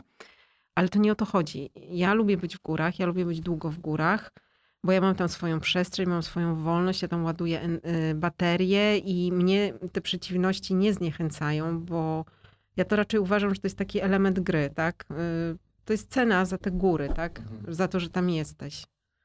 Y, I to jest dla mnie normalne, a owszem, ja się cieszę tymi wszystkimi widokami, ja to doceniam, bo gdyby... Prosta rzecz, dlaczego ja pokonuję te wszystkie trudności? No bo ja kocham te góry. Jak ja bym ich nie kochała, to ja bym bardzo szybko stwierdziła, no okej, ale po co ja mam tak marznąć? Po co ja mam być głodna? Po co ja mam się tak męczyć? No bez sensu w ogóle, tak? Wszystko z miłości do gór. Dokładnie. Dziękuję ci Dorota bardzo za spotkanie. Było szalenie miło i ten plan kaukaski mi się mega podoba. I trzymam kciuki za to. Dzięki. Pozdrawiam, trzymaj się. Dzięki. Dzięki. Pozdrawiam.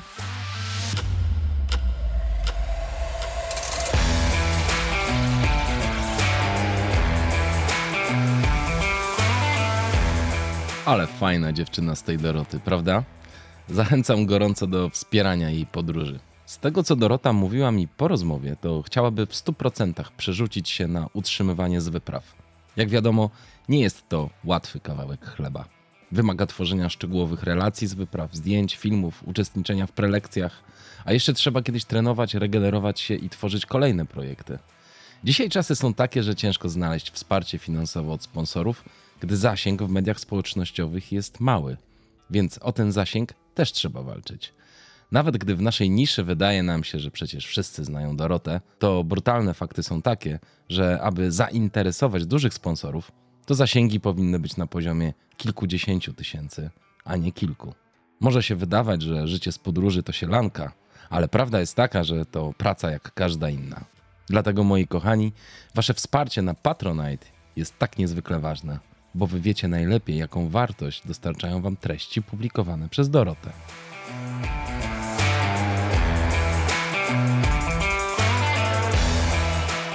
Ja też korzystam z Waszego wsparcia. Bez niego nie wyobrażam sobie trwania i rozwoju tego podcastu. Mam nadzieję, że jest to zauważalne.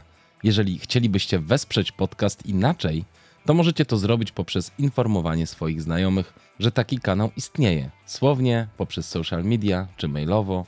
Dowolnie. Po prostu dzielcie się tym podcastem z innymi. Z góry dziękuję.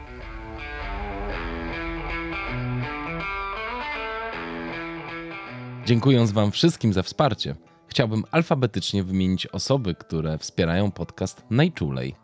Są to Maciej Bańkowski, Agnieszka Barczyk, Krzysztof Bednarz, Adam Bogdał, Marek Bykuć, Adam Dudczak, Krzysztof Grzenda, Bieta Chryń-Morawska, Tomasz Kacemirow, Adrian Kostera, Szymon Kubicki, Marek Maj, Wojtek Mąka, Arek Marchwicki, Kazimierz Pawełczak, Wojciech Pietrzok, Piotr Raszkowski, Grzegorz Saletra, Marcin Stefaniak, Marzena Stanek, Jacek Szymborski, Błażej Wachnienko i Edyta Winnicka. Ten odcinek podcastu Black Hat Ultra przygotowali Kamil Dąbkowski, prowadzenie i montaż oraz Piotr Krzysztof Pietrzak, transkrypcje i media społecznościowe, a autorem muzyki jest Audio Dealer.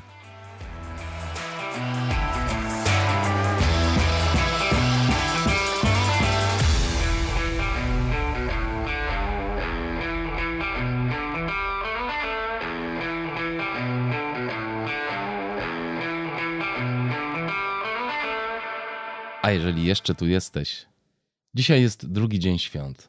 Mój ulubiony dzień świąt, gdyż w końcu można usiąść spokojnie i odpocząć. Życzę Wam tego również z całego serca. Złapcie chwilę oddechu, nacieszcie się rodziną i naładujcie baterię przed kolejnymi wyzwaniami. Buźka.